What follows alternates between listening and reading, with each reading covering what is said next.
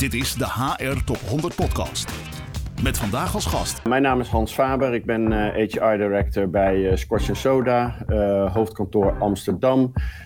Kom zelf uit Utrecht, ben 48 jaar, uh, 22 jaar HR. Ik zal het begin even overslaan, maar ik denk relevant is 3,5 jaar Daimler Chrysler, daarna 10 jaar Adidas, zowel in Nederland als Duitsland. En inmiddels bijna 6 jaar bij Scotch Soda. Leuk, welkom. Heel leuk dat we jou mogen spreken. Voor de mensen die Scotch Soda niet kennen, zou je iets over de organisatie kunnen vertellen? Ja, Scotch Soda is een oorspronkelijk Nederlands bedrijf, werkzaam in fashion. We hebben 280 winkels wereldwijd. Dat is dan de retail. Uiteraard hebben we ook webstore en, en wholesale partners. Maar we doen dus in kleding voor de mensen die het niet kennen. En we zitten denk ik ergens in het middensegment tegen de bovenkant aan qua collecties. Ja, en winkels, hè, dan, hoor, en internationaal. Dus, hè, dan hoor ik natuurlijk meteen, dat roept meteen een vervolgvraag op over de afgelopen periode. Hè? Want ik denk dat het beleid heel wisselend is geweest in verschillende landen over corona. Kan je er iets over vertellen? Hoe jullie de afgelopen maanden zijn doorgekomen? Ja, het is enorm divers als je corona als startpunt neemt, inderdaad. Hè. Ik bedoel, je probeert als organisatie natuurlijk zoveel mogelijk een een eenduidig beleid te voeren. Maar corona zet eigenlijk alles op zijn kop. En zeker als je het vanuit het HR-perspectief bekijkt, zijn we daar in maart natuurlijk mee gestart. de wintersport was gecanceld en vervolgens moesten we met z'n allen nadenken over hoe gaan we hier nou mee om. En als je dan bijvoorbeeld NOW-regeling als, als startpunt neemt, ja, dan is dat in Nederland totaal anders dan in Duitsland, België, Frankrijk, Amerika of, of Engeland, om maar wat te noemen. Het, startpunt is, is, is, is zo divers dat eh, de winkels in Zweden nooit dicht geweest zijn. En in, en in Frankrijk waren ze per direct dicht. Dus dat, ja, het is, kijk, wet en regelgeving op het gebied van HR is per land gewoon enorm divers. En dat zie je hier direct terugkomen. Maar we hebben wel eigen, laten we zeggen, corona-guidelines gemaakt ook. waarvan wij denken van, hé, hey, dat vinden wij belangrijk voor onze mensen op kantoor. Eh, in de hoofdkantoren. Eh, dan heb je het bijvoorbeeld over New York of Amsterdam, Parijs, Düsseldorf, Stockholm. Maar ook voor al onze winkels. Die diversiteit is daar natuurlijk ook nogal vrij groot. Hè? Kantoorpersoneel of winkelpersoneel of logistiek personeel. Zeer verschillend. Ja, en zou je iets kunnen, een voorbeeld kunnen noemen van zo'n guideline? Nou ja, kijk, uiteindelijk denk ik dat uh, Scotch altijd een beetje het principe heeft gehad. Uh, uh, weliswaar misschien toevallig, maar ook door er denk ik goed over na te denken. Um, dat we altijd een stapje voor wilden zijn op de maatregelen van de overheid. En ik denk dat dat een, een, een, heel belangrijk onderdeel zelfs ook is geweest. alhoewel we dat tijdens de wedstrijd hebben geleerd. Maar dat is zeker voor het vertrouwen en het gevoel bij de mensen die voor je werken. Uh, ontzettend belangrijk. Uh, een voorbeeld is uh, iets eerder met mondkapjes in de winkel starten dan de rest. Iets eerder een doorkeeper bij de winkeldeur. Hè, iemand die zeg maar mensen begeleidt naar binnen en naar buiten en de hoeveelheid mensen controleert, et cetera. Um, installeren in winkels dan dat eigenlijk het beleid was. En in sommige landen is dat helemaal geen beleid. Alleen wij hebben er als bij, bij, bij Scotch wel beleid van gemaakt dat we dat in alle landen gewoon op die manier doen. En ik denk dat dat een enorme winstfactor is geweest. Dat je, dat je eigenlijk net iets meer doet dan dat de overheid je voorlegt. En ik hoor van veel mensen in retail ook dat de afzetmarkt zich heel erg naar online heeft verplaatst. Is dat voor jullie ook zo? Ja, absoluut. Keihard. Uh, uh, we zijn daar eigenlijk uh, sowieso heel, waren we daar ook voor corona al druk mee bezig. Ik denk me, vele bedrijven met ons. maar het is natuurlijk een enorme asset. Dat moet gewoon groeien. De digitalisering in zijn algemeenheid, maar voor Scotch ook. het aardige is misschien dat dat ook enorm is toegenomen. logisch kan je zeggen, maar het is ook wel leuk als het echt gebeurt. En um, ja, en een van de acties die we bijvoorbeeld hebben ondernomen is Digital Showroom hebben we gebouwd in, uh, op de hoofdkantoren voor onze wholesale klanten. Dus dat zijn de mensen die bij ons komen inkopen. Dus dat zijn niet van onze eigen winkels, maar dat is bijvoorbeeld een Bijenkorf store, of een Galerie Lafayette. Ja. Die komen, exact, die komen inkopen. Dus dat hebben we nu met groot tempo opgezet. Uh, liepen we misschien een tikkie in achter, maar we hebben het nu wel gefixt.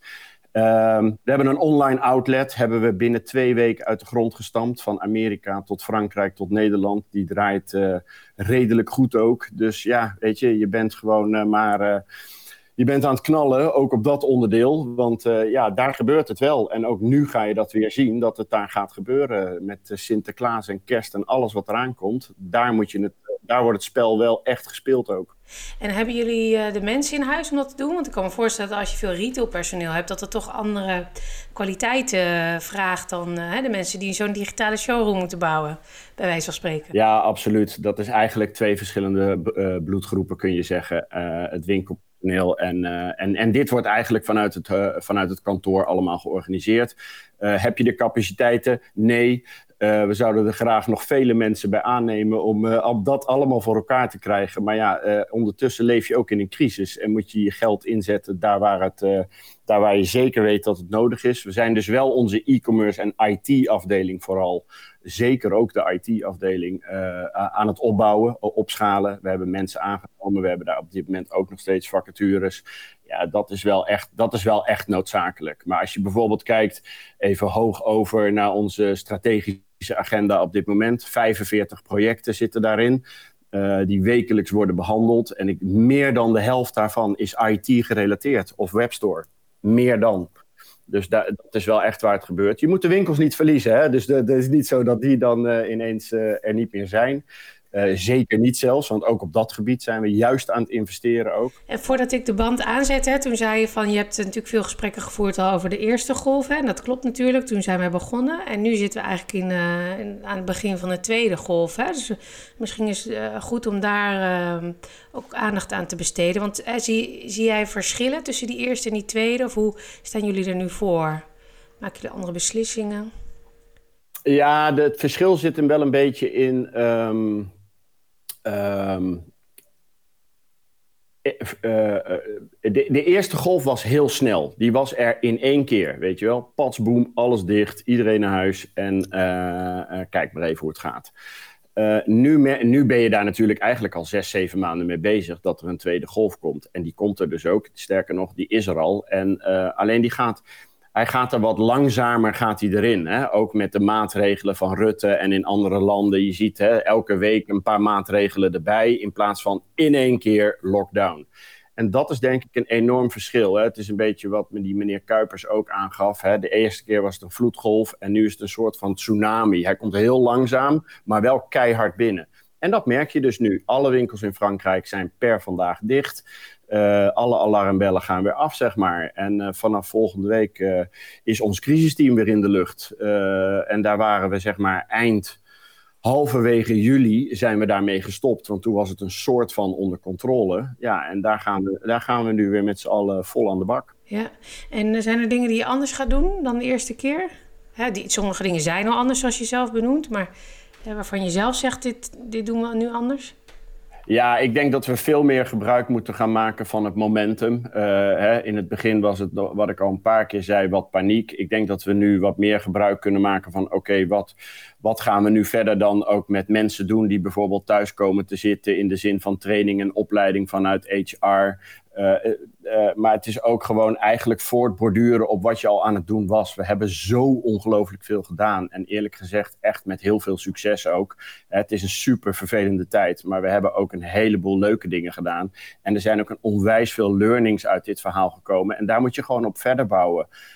Maar ja, het, het, het, het, het, het, in het begin was het, in het, wat ik wel merk eigenlijk, uh, en dat wordt denk ik wel een, een lastige nu, uh, en ik kan me voorstellen dat daar meer bedrijven mee zitten. In het begin was het, um, was het paniek, maar die gaf ook een bepaalde vorm van energie, weet je wel, van let's go, we, we gaan dit fixen. En nu is het minder paniek, maar het geeft ook minder energie. Sterker nog, het geeft eerder misschien een tikkie vermoeidheid bij mensen. Zo van shit, weet je wel, daar gaan we weer. En, en de winter uh, komt eraan, hè? je kunt niet naar buiten. De, de kerst zie je ja. zonder je familie. Uh, ja. Ja. Het is om half vijf donker, weet je wel, het regent. Uh, ik, ik, ik, denk dat we, dat is een waakvlammetje waar we denk ik met z'n allen enorm voor moeten opletten. En dat zie je ook overal terugkomen. Hè, van de, niet alleen de eenzaamheid, maar ook de energie en de zin. En van shit man, hoe lang duurt het nog? Het gebrek aan perspectief. Daar, daar die, die wellness, wat je van mensen ook wel hoort. Ik denk dat dat een onderdeel is waar we nu... ja, veel aandacht aan moeten gaan geven. En, en dat is een lastige. Ja, het is daar maar iets aan te doen. Moet wel gaan gebeuren. Ja, nou ja, weet je wel, wie het weet mag het zeggen, zeg ik wel. Hè? Want uh, de pubquiz is ook al zes maanden geleden uh, gestorven, zeg maar. Ja. hij is niet helemaal Nee, maar dat was leuk in het begin, maar dan kun je ook niet elke week meer doorgaan. Ik snap wat je bedoelt, nee, ja. Nee, dat, dat, is, dat is het punt eigenlijk meer inderdaad. Dus, dus, dus hoe ga je daar nou mee om? En weet je, als je een beetje een beetje uh, in de achteruitkijkspiegel kijkt hè, en je kijkt naar onze organisatie, wij hebben ontzettend veel jonge mensen in dienst. We hebben ontzettend veel jonge gezinnen. Een babyboom al jaren van je welste. Hè. Uh, uh, jonge managers. Dat zijn zeg maar de onderdelen waar wij gewoon nu aandacht aan moeten gaan geven. En dat, is geen, dat is geen babysitting. Maar ja, je moet, je moet daar echt een oog voor gaan krijgen zo langzamerhand. We zijn wel zeven maanden verder. En die mensen die ze. Hè, de, een, de een woont lekker en heeft in de achtertuin een lekker kantoortje. Maar de, maar de meeste bij ons uh, wonen in Amsterdam. Jonge kinderen, uh, drie hoog, uh, zonder tuin. Ja, ja, dat is echt een andere koek inderdaad. Ja. En wat kan je doen voor die mensen? Mogen die bijvoorbeeld naar kantoor? Of hoe ga je daarmee om? Nou, we hebben denk ik ergens de mazzel, over business critical gesproken, dat onze industrie heeft wel een, echt een bepaalde vorm van bij elkaar komen nodig. Je kunt geen collecties maken in teams. Dat is gewoon eigenlijk basically niet te doen. Um, dus er zijn bepaalde afdelingen die in bepaalde groepen wel gewoon naar kantoor komen. Dus dat is fijn. Maar er is ook een bepaalde populatie die we hebben. Uh, en dat kan een HR zijn of een finance of een IT, eventjes uh, grosso modo gezegd. Uh, die dat natuurlijk wat minder hebben. Die hebben wat minder die niet om naar kantoor te komen. En ik denk dat het een custom-made plaatje zal gaan worden. en dat is het eigenlijk al, want we zijn er stiekem al wel mee bezig natuurlijk. Um, hoe je daar aandacht aan gaat geven. Dat is dat is eigenlijk wat er moet gaan gebeuren. We hebben het daar gisteren met het HR-team ook over gehad. Van jongens, weet je wel, waar zitten nou die, die momenten uh, waar wij wat aan kunnen doen? Uh, we doen ontzettend veel. We hebben een comeback plan gemaakt al maanden geleden. Hoe we terug naar kantoor gaan en wat onze ambitie in de toekomst is. Super interessant. We hebben van de week een enorm leuk document uitgestuurd over de social impact. En wat zijn, wat zijn nou eigenlijk de do's in deze tijd? Hè? Want iedereen baalt natuurlijk dat het café dicht is. Maar er zijn ook ongelooflijk veel dingen die je nog wel kunt doen. En daar hebben we een soort van documentje van gemaakt. Van hey, weet je wel, er is ook nog wel het een en ander mogelijk. En dat is ook op kantoor. Maar je kan ook met z'n vieren naar een museum gaan. Of ga, nou ja, uh, legio voorbeeld. Leuk, leuk. Dus dan geef je eigenlijk wat inspiratie voor wat nog wel kan.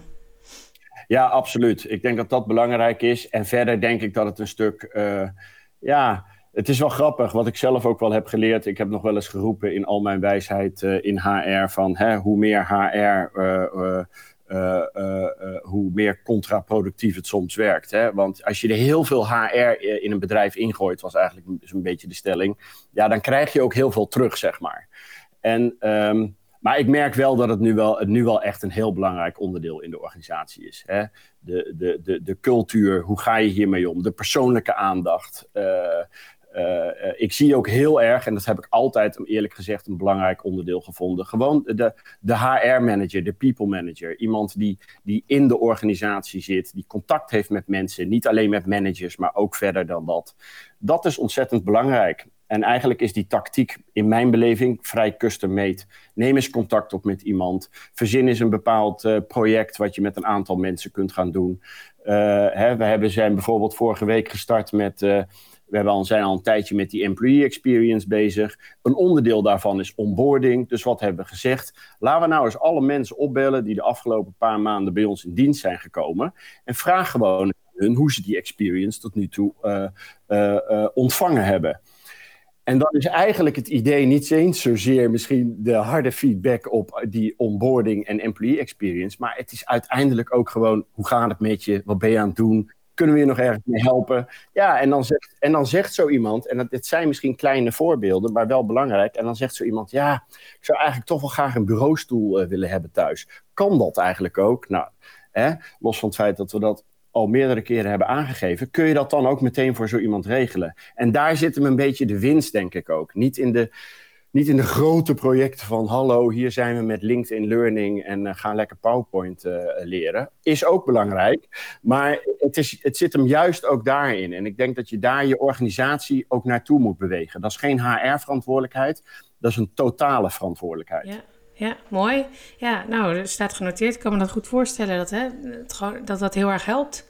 Om gewoon direct op te halen bij mensen hoe het met ze gaat. En dat ze daardoor zich ook eh, gehoord voelen.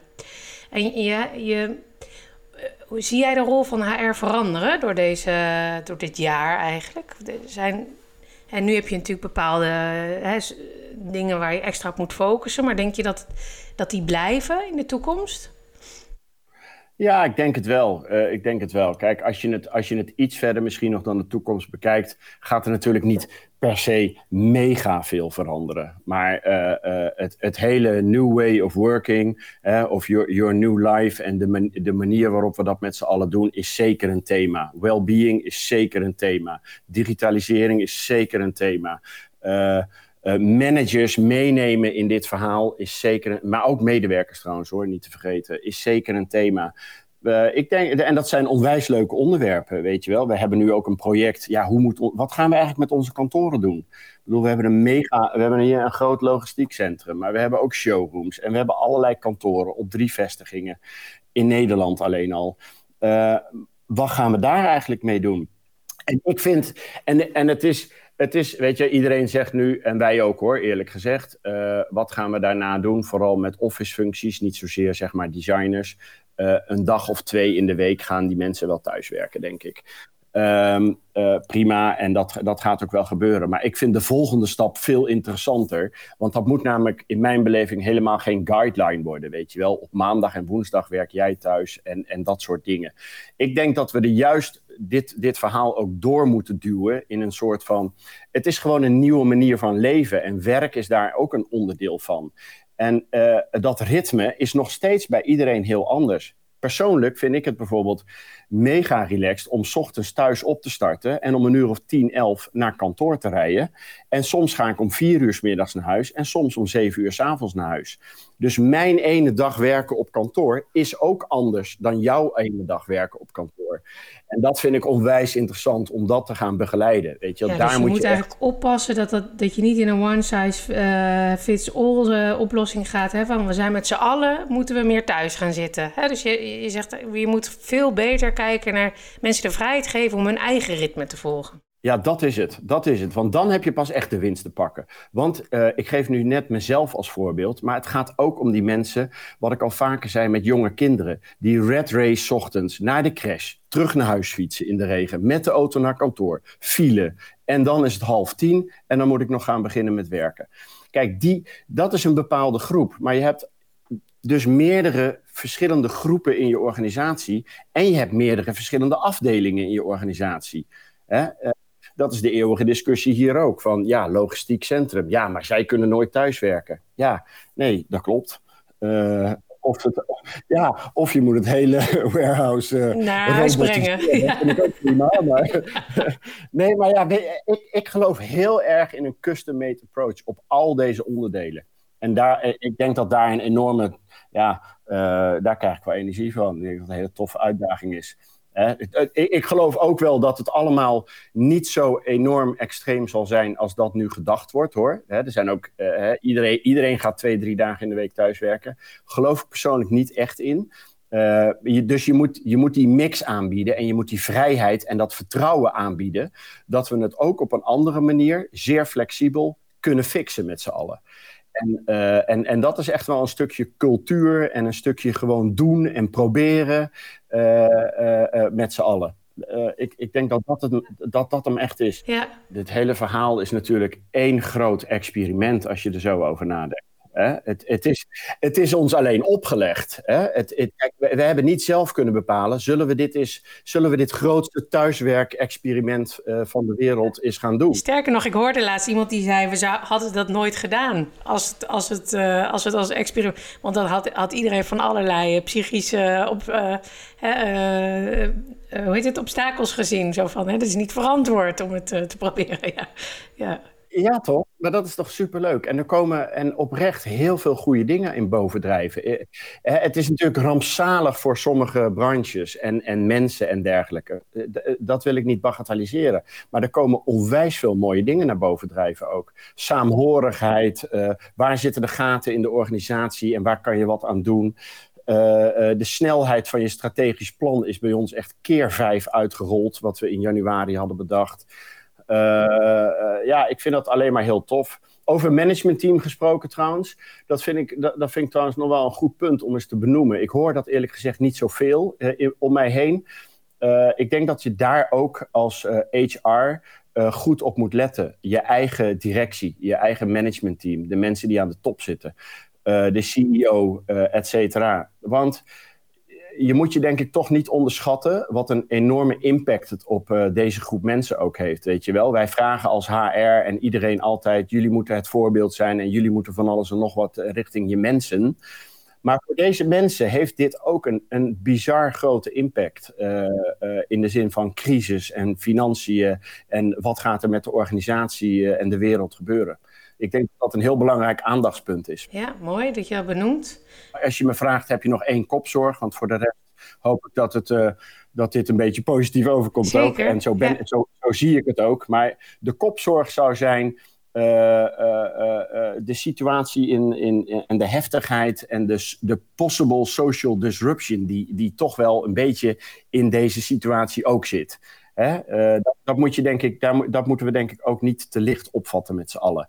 Uh, en uh, kan jij binnen HR uh, als HR director binnen Scotch daar wat aan doen? Nee, maar altijd een beetje hier natuurlijk intern. Maar dat is meer een, een, een verhaal naar buiten. Ik, dat vind ik wel, ja, dat, dat, dat, dat licht ontvlambare in, de, in, de, in de sociale, in in de samenleving, vind ik, vind ik best wel een beetje een kopzorg. Maar voor nu uh, laten we dan eindigen met inderdaad het mooie, uh, de mooie douche die jullie hebben verstuurd. Uh, hè, van wat kan er nog wel? Hè? En laten we daar dan ook op focussen. Dus je moet eigenlijk gewoon op alles aandacht houden. Daar komt het op neer. Nou, nou ja, dat is echt wel heel erg belangrijk. Ja, dat is denk ik heel, is super belangrijk. Uh, kijk, elke dag, uh, uh, ik zei het nog van de week, elke dag kijk je naar Jinek of het nieuws. En het is echt elke dag dezelfde discussie over dezelfde cijfers en dezelfde negativiteit. Weet je wel, hou daarmee op. Kijk er gewoon eigenlijk niet zoveel meer naar. En ga gewoon leuke dingen doen. De dingen die wel kunnen. En die zijn er echt. Ja, mooi. Nou, dat vind ik een mooi afsluiter. dat, dat kunnen we ja, hartstikke bedankt voor het delen van je verhaal. Dit is de HR Top 100 Podcast.